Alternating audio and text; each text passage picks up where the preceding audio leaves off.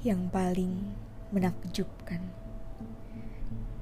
Karya Sapardi Djoko Damono. Yang paling menakjubkan dunia yang fana ini adalah segala sesuatu yang tidak ada.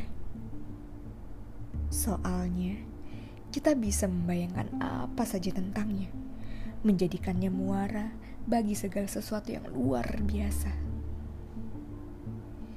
kita bisa membayangkannya sebagai jantung yang letih, yang dindingnya berlemak, yang memompa sel-sel darah agar bisa menerobos urat-urat yang sempit, yang tak lagi lentuk.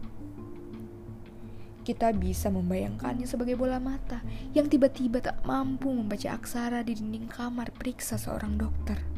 Ketika ditanya, "Apa yang Tuhan lihat di sana?"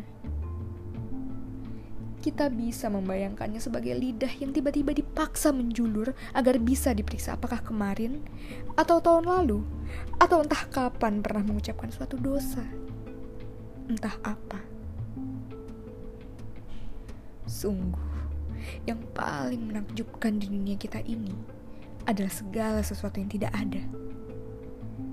Soalnya, kita boleh menyebut apa pun yang kita suka tentangnya sementara orang berhak juga menganggap kita gila.